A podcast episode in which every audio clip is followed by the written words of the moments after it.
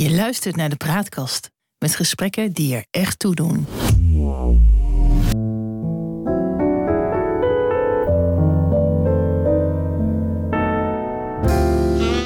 Welkom bij de Praatkast.nl. Dit is een aflevering van het Geheugenpaleis. Mijn naam is John Knierim en samen met Han van der Horst maken we deze podcast. De geschiedenis die haalt zich nooit maar rijmen, dat doet hij vaak wel. En het, dat gegeven gebruiken we in het Geheugenpaleis om dieper in te gaan op de actualiteit. Zo gaan we aan de baan van de dag voorbij en we bereiken de kern van het nieuws. We scheppen orde in de maalstroom van berichten die het zicht op de grote lijn belemmeren. En ondertussen blijkt dat de werkelijkheid vaak genoeg elke fantasie te boven gaat. We gaan het hebben over de afkalving, of misschien wel niet, van het demonstratierecht. Uh, en dat naar aanleiding van de veroordeling van hoofdwappie Willem Engel. Han, verbaast het jou dat die Engel is veroordeeld? Het verbaast me niet, maar het verontrust me wel. Want uh, wat heeft hij nou helemaal gedaan? Hij heeft uh, opgeroepen deel te nemen aan een demonstratie... waarnaar ik meen geen vergunning voor uh, was verleend. En dat wordt nou geconstrueerd als opruiing. En hij heeft een maand voorwaardelijk gekregen... om te voorkomen dat hij het nog een keer doet. En, weer, en Engel is volgens mij terecht in hoger beroep gegaan. Ja, en dan uh, zou er dus nog steeds een kans voor hem zijn dat hij uh, uit, uh, vrijgesproken wordt. Hij was geloof ik voor een vijf of een zestal feiten voor de rechter gebracht, gebracht. Maar alleen voor dat ene wat jij nu noemt, daarvoor is hij veroordeeld. Dat komt een beetje gekunsteld over van het barbertje moet toch hangen. Ik denk dat je daar uh, groot gelijk in hebt. En je ziet dit soort dingen steeds vaker gebeuren uh, de laatste tijd. Ja. Uh, dat er opgetreden wordt tegen aankondigingen. Mm -hmm. omdat ze opruiing zouden zijn. En vaak is het gewoon uh, vrijheid van meningsuiting. je zal je toch uh, niet moeten gaan afvragen in dit vrije Nederland of een uh, aankondiging die je doet niet geconstrueerd kan worden als opruiing. Nou ja, kijk, op, het zou natuurlijk opruiing kunnen zijn, maar daar moet de rechter dan over oordelen uiteindelijk. Um, ja. maar, maar ik begrijp ook dat, dat heel veel burgemeesters zich echt ja, afvragen of, of ze niet veel eerder uh, kunnen uh, ingrijpen. Eigenlijk willen ze gewoon eerder ingrijpen. En dat, dan, dan zien ze al ja, zo'n zo'n aankondiging van een demonstratie, ook al is die verboden of wat dan ook. Dan denken ze, ja, dan straks hebben we een ordeverstoring. en nou ja, dat, dat moeten we voorkomen. Want ja, als we daar niet nu op ingrijpen, staat straks hier de, st de stad in brand. Dat lijkt toch op zichzelf een redelijke afweging? Uh, dat ligt er uh, maar aan. Uh, kijk, een oproep om de stad in brand te steken, of stukjes van de stad in brand te steken, is nu al uitgebreid verboden. Mm. En je mag niet oproepen tot geweld. En je mag niet oproepen tot brandstichting of tot plundering. Dat is al lang en breed verboden. Wat zo'n burgemeester wil, uh, is aankondigingen van welke aard dan ook verbieden met behulp van een last onder dwangsom. Dat wil zeggen, als je het toch doet, moet je een, een, soort, uh, een soort boete betalen. Dat, uh, dat heet een dwangsom en dat kan een burgemeester doen zonder dat er een rechter aan te pas komt. Burgemeesters doen het ook al, dat soort dingen, de laatste tijd ook al heel vaak. Bijvoorbeeld huizen drie maanden of nog langer verzegeld houden als daar een wietplantage is uh, aangetroffen. En deze acties zijn hier aan verwant. En nou zegt bijvoorbeeld burgemeester Wiene van Haarlem... ja, maar als ik dat toelaat, dan is de brand al gesticht. Ja. Als dat waar is, dan uh, hey, zou ik uh, meneer Wiene willen aanraden... zijn functie op te zeggen en op de beurs te gaan werken. Want? Want dan kan hij namelijk de toekomst voorspellen. En dat is, en wel precies. Hij weet dat als er een bepaald bericht wordt gepubliceerd, er brand zal worden gesticht. Dat vermoedt hij niet, dat weet hij. Dat zegt hij zelf. Hmm. Dan, kan je, dan weet je dus ook hoe de aandelen zullen staan op een bepaalde dag. En begrijp ik niet dat die burgemeester blijft. De man wordt nog bedreigd ook. Ja. Hij wordt bedreigd door de penose. Dus ik kan me voorstellen dat hij, eh, ja, zeg maar, zelf ook radicaliseert. Eh, maar dit verlangen om zomaar van tevoren onder dwangsom dingen te kunnen verbieden, omdat die misschien zouden kunnen leiden tot geweld. eh, dat gaat veel te ver, dat hoort niet in een uh, vrij land. Hè. De, eind februari is er een uitspraak tegen een jongen van 17 jaar in Zeist. Ja. Uh, die heeft een aankondiging van een verboden demonstratie in Utrecht gedeeld.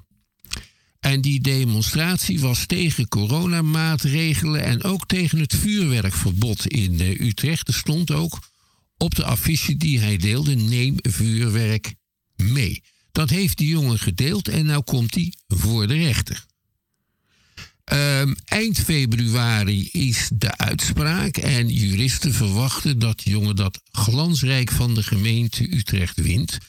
Uh, inderdaad, omdat dit soort dingen niet verboden zijn. Er zijn juristen die denken dat je het landelijk bij wet wel zou kunnen uh, verbieden, maar een gemeente die dat soort dingen probeert met een verordening gaat hmm. buiten zijn boekje. Ja, en uh, de hoogleraar staats- en bestuursrecht die zegt ook ja, maar de gemeente gaat zich, eh, de burgemeester gaat zich eigenlijk bezighouden met de inhoud van wat er gezegd wordt. En dat is een soort van censuur. Ze moeten zich alleen maar be bezighouden echt met ordeverstoringen en het voorkomen daarvan.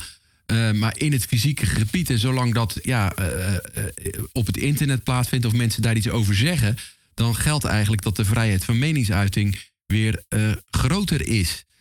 er staat spanning op, want de burgemeester zeggen: ja, we kunnen de orde eigenlijk niet meer handhaven als we niet eerder de gelegenheid krijgen om in te grijpen. Grote onzin en flauwekul.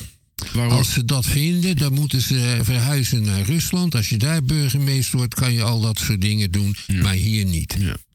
Nou lijkt het natuurlijk een beetje dat, dat wij uh, een uh, aanhangers zijn van, uh, van Willem Engel. Maar dat moeten we denk ik wel eventjes hier ja, even tegenspreken. Want ik vind het echt een dwarrel die, die hele rare dingen zegt. Maar dat is wat mij betreft geen aanleiding om te zeggen... ja, jij mag je niet uitspreken. Want anders gaan we toch wel een, een totalitaire kant op. Precies, anders zijn wij zelf volgende week aan de beurt. Dat moet je altijd beseffen. Dus het recht van Willem Engel om onzin te publiceren dient gegarandeerd te zijn. Ja. Nou is er in december ook een motie aangenomen in de Tweede Kamer. En, en daarin staat dat elke demonstratie die niet van tevoren is aangemeld, die moet verboden kunnen worden.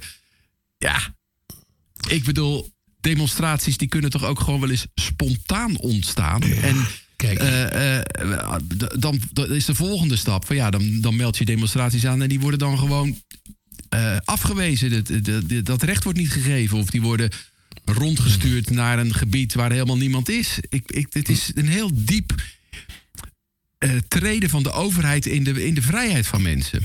Ja, er zijn een aantal verworvenheden die opnieuw op de tocht zijn. En dat zijn verworvenheden die voor een gedeelte in de jaren 60 en 70 zijn veroverd, maar die eigenlijk in de kern al in de grondwet van Thorbecke uit 1848 staan. Dus ik vind dit werkelijk zorgelijk en ik denk dat burgers hier tegen eh, in verzet moeten komen. Ja. En zich er ook niks van aan moeten trekken, om, eerlijk, om eerlijk te zijn. Want als iedereen het doet, wordt het heel moeilijk handhaven. Ja, het is zelfs, gaat het zover dat demonstratierecht, dat het blokkeren van een weg ook valt onder dat recht. Ook al is het heel vervelend. En de, de politie moet dat ook gewoon toestaan. Dat, Daar is gewoon uitgebreide jurisprudentie over. Ja, ik vind het ook verschrikkelijk hè, wat die boeren hebben gedaan. Uh, anderhalf, twee jaar geleden. Dat ze hele snelwegen hebben geblokkeerd. Ik was ook woest. Ik vind het verschrikkelijk gedrag. Uh, maar ja, als, als de rechter en als de wet is dat het mag. Ja, dan zullen we daar toch mee moeten doen, eh, zou ik uh, zeggen. Nou, je mag het in ieder geval proberen. Luister, er, is iemand van, op weg van school naar huis, had net zijn kindje weggebracht, uh, door de politie in verzekerde bewaring gesteld. Die heet Lucas Winnips. Ja. Uh, dat is een medewerker van Extinction Rebellion, een woordvoerder. Uh, die had aangekondigd dat er op 28 januari een bezetting zou zijn van de A18. Vastgezet omdat hij dat deed. Alleen, ehm, alleen door dat simpele feit van die aankondiging. Ja, het lijkt heel erg op Willem Engel. Ja. En zo zie je ook dat iedereen er uh, door getroffen kan worden. Ja. Uh, je moet toch wel heel erg zwak in je schoenen staan als gezagshandhaver als je dit soort dingen wilt verbieden. Of je moet ergens in je kop iets tyrannieks hebben. Of je moet niet goed inzicht meer hebben in wat democratie eigenlijk inhoudt. En wat me nou opvalt is dat, dat een partij als D66, eh, maar ook de PvdA, wat vroeger toch als progressieve partijen werden gezien. Kijk, dat van het CDA hoef je in dit soort dingen sowieso niks te verwachten, want eh, die zijn nog roomser als de pauze als je niet oppast. Maar bij de voormalige, voormalige eh, progressieve partijen, zoals de PvdA en D66, die, die, ja, die, die streven dit ook naar. Ik bedoel, in Utrecht is mevrouw eh, Dijksma is daar de burgemeester. Dat is toch een P van de A-corrivee. Die past dat gewoon toe. In Amsterdam heb je eh, mevrouw Hemke, Valsema, Femke Halsema. Die past dit soort dingen ook gewoon toe. Ja, daar moet je ook op zulke partijen, naar mijn idee, eh, pas na lang nadenken stemmen als je het al van plan was. Want het zijn een soort signalen. Het zijn een soort hondenfluitjes, zoals dat tegenwoordig heet. Ja. Eh, dit is het begin. Eh, ze pakken een pink en het, ze, ze nemen tenslotte de arm tot aan de oksel. Daar ben ik erg van overtuigd. Ja. Je hebt een eh, film die heet The Minority Report. En in die film fungeert een ehm, ministerie. En dat is de Ministry of Pre-Crime. Het ministerie van misdaad voordat het gepleegd wordt. Ehm, en, en eh, het doel van het ministerie is om ervoor te zorgen dat mensen voordat ze een misdaad plegen, dat ze dan al opgepakt worden. En dat betekent dat op het moment dat ze al iets denken, dat dat denken al leidt tot een probleem waar ze terechtkomen. En dat is waar het mij een beetje aan doet denken. Ja. Nou zeg je dat dat demonstratierecht is uitgebreid eigenlijk in de jaren 60, maar dat het toch al vast lag in eh, de grondwet zoals Thorbecke die gemaakt heeft. Wat gebeurde er dan in de jaren 60? Eh, in de jaren 60 eh, organiseerden via Vietnam-activisten die tegen de interventie van Amerika in Vietnam waren demonstraties in Amsterdam elke maand. Ja. En die demonstraties, daar vroegen ze geen vergunning voor aan, wat verplicht was, uit principe. Omdat je dat in vrije landen het demonstratierecht een onderdeel was van de vrijheid van meningsuiting, vonden zij zelf. Dus daar hoefde je geen toestemming voor te hebben. Dat was dus elke maand matten. Ja. Dat is één. Ook is het de tijd van de provo's. En de provo's waren een, eh, een groepje artistiek georiënteerde studenten en semi-intellectuelen. Eh, de meest pregnante denker onder hen was de bekende Roel van Duin. Die hield er anarchistische denkbeelden op na. Ja. En die vond dat je het gezag moest provoceren. Hoe? Door ludieke acties en door iets wat happenings heette. En elke zaterdagnacht was er in halverwege de jaren 60 in Amsterdam op het Spui een happening die werd gehouden door Al- Robert, Robbie Jasper Grootveld, zich noemde anti-rookmagier. Met dat gaatje Eh, in zijn hoofd, of niet? Nee, dat was weer iemand anders. Oh, oké. Maar Robert, Jasper Grootveld die hield ceremonieën bij het standbeeldje van het lievertje. Dat staat nog steeds op het spui in Amsterdam. En dat Ja. was een geschenk van de tabaksindustrie. Oké. Daar gingen de provo's zich bijvoegen. En dat werd dan door de politie als ordeverstoring eh, beschouwd. En dan maakte men met de blanke sabel een Ja. einde aan de actie. En zo maakte het eh, gezag zich steeds belachelijker. Er is bijvoorbeeld iemand gearresteerd die daar eeuwige roem aan heeft overgehouden, Koosje Koster. Ja. Die deelde krenten uit op het spui aan de omstanders. Want er kwamen steeds meer omstanders naar de happenings kijken. Op den duur meer dan duizend. dus het was elke zaterdagavond prijs in het centrum van Amsterdam. Ja. Totdat eh, de provo's zichzelf ophieven. Omdat Roel van Duin begreep dat je ermee moest stoppen als je op het toppunt van je succes was. Ja. Uiteindelijk heeft dat toch ook eh, ertoe geleid dat, dat eh, de burgemeester, dat was volgens mij van Hal in die tijd, dat hij ont- Ja. ontslagen werd. Want, want het was gewoon niet meer ja, binnen de tijdgeest Ja, die er maar dat had ook te maken met hele grote rellen die plaatsvonden tijdens het huwelijk van, eh, van Beatrix eh, en Klaus. En die burgemeester van Hal, die paste inderdaad niet bij de tijdgeest. Was een belangrijk verzetstrijder. Ja. Was een goud eerlijk man. Maar die pakte dit gewoon verkeerd aan. En daardoor is zijn burgemeesterschap mislukt. Dat is eh, heel erg tragisch. Misschien kunnen de luisteraars op YouTube wel een interview met hem vinden. Een beroemd interview dat Ja. destijds door Mies Bouwman is gemaakt. En, en wat blijkt er uit dat interview?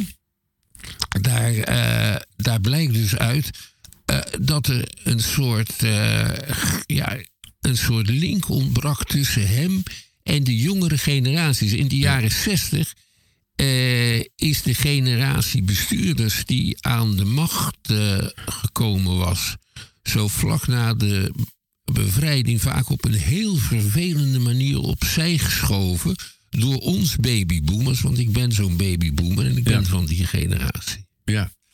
De, we hebben het dan over demonstraties, over veranderende tijdsgeest.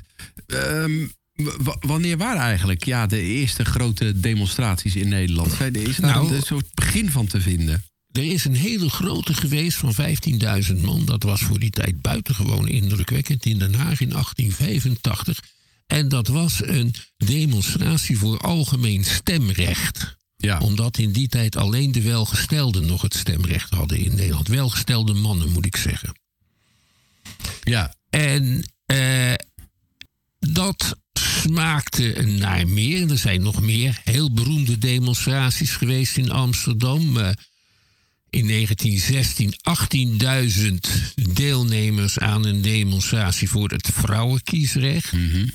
En in 1914 nog een keer voor in Amsterdam voor het algemeen kiesrecht 25.000 deelnemers. En op Prinsjesdag dan organiseerde de SDAP, de Sociaal-Democratische Arbeiderspartij, altijd rode dinsdagen. Dan werden dat soort eisen ook gesteld. Ja. En dat waren altijd goed georganiseerde optochten. En die eindigden dan op een of ander groot veld. En daar waren dan een stuk of zes, zeven sprekers. Die spraken niet achter elkaar, maar elk in hun eigen hoek van het veld, omdat er nog geen versterkerinstallaties bestonden. Ja. Ehm, een van de allergrootste demonstraties die ooit gehouden is in Nederland, dat is tegen de vlootwet, 150.000. We zijn nou echt in de vroege tijd. Ja. En er is ook nog eens een hele grote gehouden in 1918. Ja. eh, ter ondersteuning van het gezag tegen de socialisten, omdat Troelstra, de leider van de socialisten, had gezegd dat het misschien een tijd was voor de arbeiders om het gezag in handen te nemen. Toen zijn er verschrikkelijk veel, bij tienduizenden koningsgezinden, van al eh, naar, naar Den Haag gekomen. En daar is, dat was voor het eh, perfect georganiseerd natuurlijk, is de koets. Zijn de paarden uitgespannen van de open calèche waar eh, koningin Wilhelmina in zat. Ja. En die is toen door het volk zogenaamd getrokken. En dat was allemaal prachtig. Moet je overigens nagaan. De koningin tijdens een demonstratie in een half revolutionaire situatie zit in een open koets. Ja, dat eh, kan je je niet meer voorstellen natuurlijk. Hè? Nee. Dus dat soort demonstraties die werden gehouden. Ja. Eh 1 mei demonstraties. eh, En liepen die ook uit de hand? Of bleef dat allemaal Nee, wel die vrij liepen- netjes? die- dat was op de deur was dat netjes. En dan werd, net, werd vergunning aangevraagd en werd een route besproken. Hmm. Eh, bij mij in mijn vaderstad Schiedam is wel eens een demonstratie gehouden van anderhalve kilometer lang. Een landelijke demonstratie van de anti-drankbeweging. De Die anti-drankbeweging. kwamen naar het Hol van de Leeuw, die Jeneverstad Ja. Schiedam. Oké. Eh, en dat soort demonstraties die raakten op de duur. Ja, die werden heel erg formeel en die zijn uit de mode geraakt. Maar in de jaren 60 kwamen ze weer terug. Ja. Waarom? Omdat inmiddels iedereen televisie had. En die demonstraties van de Vietnambeweging bijvoorbeeld, die kwamen op de televisie. En vandaar ook dat steeds meer mensen spandoeken meenamen. Oh, met die grote spandoeken. Want dat was Ja. dan goed te zien op de televisie natuurlijk. Ja. Ja, ja, ja. En, Ja. en is in de jaren 70, is 60, 70, eind jaren 60, 70 is de gedachte gegroeid eh, dat in een tijd van inspraak en Ja. medezeggenschap het aankondigen van een demonstratie genoeg was. En dit, en, en al dit soort verworvenheden staan nu op de tocht. Hè. Het eh, gezag is veel harder geworden. Het gezag staat tegenwoordig heel erg en sterk tegenover de burgers. Datzelfde kun je zien aan de politie. Die dragen tegenwoordig ook niet meer de keurige uniformen van de 20e eeuw, maar een soort, eh, ja, een soort vechtpakken, waardoor ze naar mijn idee heel erg op hooligans gaan lijken die ze zelf bestrijden. Ja. Ja. En dat heeft gevolgen. Ja. Kan je eigenlijk zeggen dat, dat als we dan teruggaan eh, naar eh, nou ja, eh, eind van de, van de 19e eeuw. en de opkomst van de sociaaldemocratie, de opkomst van, van zeg maar gewone mensen die hun rechten opeisen. Dat in eerste instantie de zittende macht, wat je de elite zou kunnen noemen, daar door de teugels aan te halen heel erg probeert ja, dat stuk te slaan, in de kiem te smoren. En zou je wat dat betreft een vergelijking kunnen maken met wat er nu gebeurt? Dat er grote groepen ontevreden burgers op andere manieren probeert eh, ja, de, de gezagsdragers eh, te laten weten dat er iets niet in de haak is. En dat die gezagsdragers in een soortzelfde krimp schieten van dat moeten we stuk slaan. Ja, dat klopt. Ik zal er het vroegste voorbeeld, een vroeg voorbeeld eh, zal ik daarvoor over naar voren halen. Twee eigenlijk. Eentje is van, uit de Arnhemse Courant van 4 november 1845. Dat was een deftige krant. Nou moet je er rekening mee houden dat in 1845 Nederland eigenlijk autoritair bestuurd werd. En er was nauwelijks sprake van enig kiesrecht, maar er verscheen wel een troonrede. En Ja. dan zien wij, dan ga ik iets voorlezen van wat de jonge heer Thieme, zoon van de uitgever, daarover schreef. Eh, niet enkel de vrije pers evenwel heeft zich de ongelukkige troonrede aangetrokken. Ook de gehuurde pennen hebben menig stuk onschuldig papier bezoedeld met de zwadder des lasters, want wij noemen het laster ene troonrede als de tegenwoordige te willen doen doorgaan voor een staatsstuk het welk achting verdient.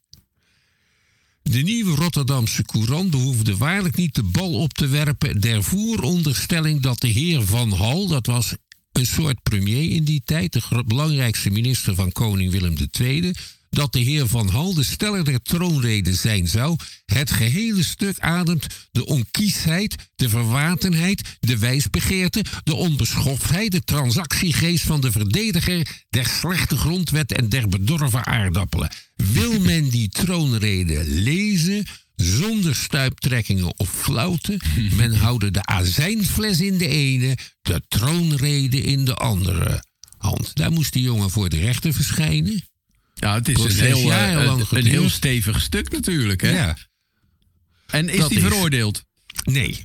Maar dat heeft jaren geduurd. En Ja. die veroordeling, die, of de uiteindelijke uitspraak kwam pas nadat de grondwet van 1848 al was ingevoerd. In, eh, Ja. gevoerd. Ik heb hier nog een stuk, dat is het 1885. Eh, toen had een anarchist, Bart van Ommeren, leuke affiches laten afdrukken. Die plakte die s'nachts aan en daar werd hij voor opgepakt. En wat stond er op die, Die- affiches? Daar stond, eh, hè, de koning was toen Willem III en die werd al wat ouder. Wij Willem de Laatste, bij de gratie gods, koning der Nederlanden, prins van Oranje-Nassau, groothertog van Luxemburg, enzovoorts, enzovoorts, op de voordracht van de Raad van Ministers van 11 mei 1885. Overwegende dat wij ons einde voelende naderen, zoveel mogelijk wensen goed te maken, alle ongerechtigheden, kuiperijen en knoeierijen door ons of in onze naam bedreven, geduld of bestendigd, ten einde zo mogelijk onze zondige zielen hiernamaals te redden uit de klauwen des Satans. Hebben goed gevonden en verstaan. Ten eerste, met het oog op de diepe ellende waarin het volk is gedompeld afstand te doen van ons jaarlijks tractement van 600.000 gulden, zo mede van de inkomsten uit de domeinen en van al wat verder uit het zweet en bloed der arbeiders afdruppelde op ons en onze bedorven hofhouding. Ten tweede, vrede te sluiten met Atje, af te schaffen het staande leger en in te voeren algemene volkswapening. Ten derde, alle vroegere besluiten en benoemingen in te trekken ten einde een einde te maken aan de familieregering van onze vriendjes. Ten vierde, afstand te doen van de kroon voor onze nakomelingen. Ten vijfde, te ontbinden de beide kamers der Staten-Generaal en hun beroep te doen op het gehele Nederlandse volk ter beslissing over de regeringsvorm en ter verkiezing van nieuwe kamers. Ten zesde, met een diep gevoel van schaamte onze nederige dank te brengen aan het lieve Nederlandse volk, dat zo geduldig en langmoedig ons met onze familie en verdere nasleep heeft gevoed en onderhouden. Al onze ministers zijn belast met de uitvoering van dat besluit dat door een buitengewoon staatsblad ter kennis van het volk zal worden gebracht. Karlsbad, de 23 mei 1885, Willem. Moet je weten dat Karlsbad is een laatste sneer, want dat was een heel duur kuuroord. Oh, oké. Waar Willem regelmatig dit- zat. In plaats gaat van over, de, over de, het terugtreden van de koning eigenlijk. eh, Ja, en, en alles is wat daarbij hoort. actueel. Ja. Het lijkt erg Ja. op de kritiek die je nu wel op Willem-Alexander hoort. Ja. Eh, van Ommeren heeft een jaar gekregen. En hij is doorgegaan tot en met de Hoge Raad. En dat jaar heeft hij uitgezeten. Ja, dat is toch ook. eh, het is allemaal. Het is een, een bloemig eh, taalgebruik, bloemrijk taalgebruik. Eh, het is tegen de heersende, zittende machten in. Ik snap dat ze dat niet, niet leuk vonden. Maar Nee, toch. het is ook komisch. Ja, het is natuurlijk ook grappig. het, het, is van, van, het, het druipt van de ironie, zou je kunnen, kunnen zeggen. Nou is het natuurlijk zo dat, dat zeg maar de, de zittende macht... en dat eh, de- ook, ook eh, Rutte en, en, en zijn kabinet... zou je wat dat betreft ook als de zittende machten eh, kunnen zien... die hebben dan toch, niet alleen nu, maar ook toen... ehm, zou je ze kunnen betichten van het niet goed aanvoelen van de tijdsgeest. Maar in Ja. die, aan het einde trekt de zittende macht toch aan het kortste eind. Wat kunnen de huidige machtshebbers nou eigenlijk leren van dat verleden? Hoe zouden ze zich moeten gedragen? Ehm, ze zouden gelegenheid moeten geven tot het afblazen van stoom. Eh, ze zouden op de een of andere manier serieus voeling moeten houden eh, met, eh, met de bevolking. Ja. En zich eens bezig moeten houden met de dingen die daadwerkelijk aankomen. Er schijnt eh, in 2023 eh, een belastingwijziging te zijn geweest die gevolgen heeft voor mensen die huizen verhuren. Nou wil ik het niet hebben over de ehm, kwaliteit van dat besluit of over de verdiensten van dat besluit. Eh, dat is in de Eerste Kamer bij zitten en opstaan aangenomen. Maar wat wil je daarmee zeggen? Eh, dat er over dingen die mensen nauwelijks raken, soms dagenlang wordt gedebatteerd en dit gaat even met zitten en opstaan. Nou, precies, dus dingen die ingrijpend zijn, die echt de burger raken in hun portemonnee, in hun welzijn, in hun bewegingsvrijheid. Dat En wordt met een, van hamer, met een hamerslag eh, wordt dat eh, Afgedaan. ge- afgedaan. Ook omdat het ingewikkelde onderwerpen zijn, Ja, waarmee je niet kan scoren. ja. En want het, ik, denk dat, ik denk dat de huidige politici een heel verkeerd idee hebben over waar je mee kan scoren in eh, de openbaarheid en waarmee niet. ja, het is een, Dus eigenlijk dit een, is een, belangrijk. een onderschatting eh, van, eh, van wat je de common sense zou noemen. Het onderschatten Ja. van wat mensen wel en niet kunnen begrijpen en wat belangrijk voor hun is. Ja, Nou, dat voorspelt niet veel goed, Han. De nee, komende dat tijd. Nee. Dus de kracht van een man als omzicht zit er bijvoorbeeld in het feit dat hij dat soort dingen wel doorgrondt en er de tijd voor neemt. Ja. Nou, laat, ik hoop dat heel veel politici eh, deze podcast eh, luisteren. En dat het hun aanzetten tot eh, het, het zich openstellen voor de veranderende tijdsgeest. Voor de eh, behoeften van de mensen. Voor, voor het ja, luisteren naar wat er nou echt leeft in de maatschappij. Maar ik vrees eh, dat we dat eh, voorlopig nog niet gaan meemaken. En ik zal voor die politici een regeltje citeren uit de internationale. De staat verdrukt, de wet is logen. Nou eens kijken of dat opruiing is. Wat, wat, wat bedoel je? De staatverdrukte wet is logen. Wat bedoel je daarmee te zeggen? Wat, wat bedoel de internationale? Dat is eigenlijk het volkslied van de socialisten en de communisten. Ja. Wat begint ontwaakt verworpenen der aarde en gaat dan eigenlijk. Het is een De strijdlied. staat, de staat verdrukt, dus de staat is, een, is, is niet ons instrument, die verdrukt ons. En de wet, de wet is leugenachtig. Ja. De wetten zijn leugens. De staat verdrukt, de wet is logens. Mensen trekken daaruit de consequentie. Ik ben benieuwd of dit nu als opruiming zou kunnen worden geconstrueerd. Ik zeg er natuurlijk niet bij waar en wanneer we.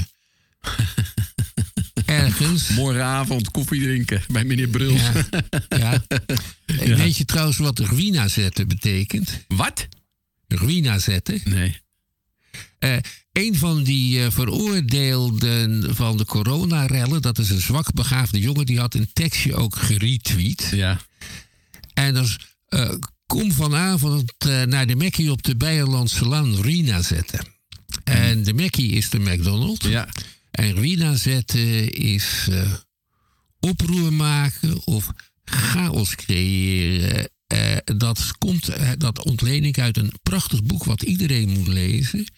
En wat op zich al een hele podcast waard is. Eh, dat heet Rotterdam een ode aan de inefficiëntie van, eh, van Arjen van Velen. Dat is een eh, geniaal boek waarin wordt uitgelegd hoe de overheid niet begrijpt waar ze mee bezig is en hoe ze in Rotterdam een dystopie creëert zonder dat te willen. Nou, het is inderdaad een dystopisch vooruitzicht. We moeten het hierbij laten.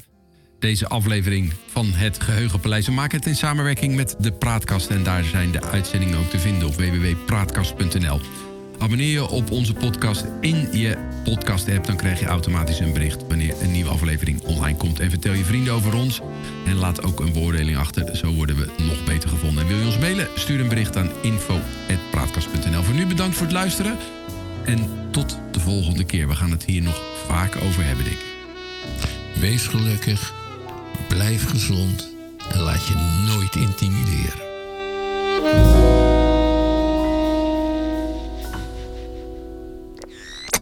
De praatkast.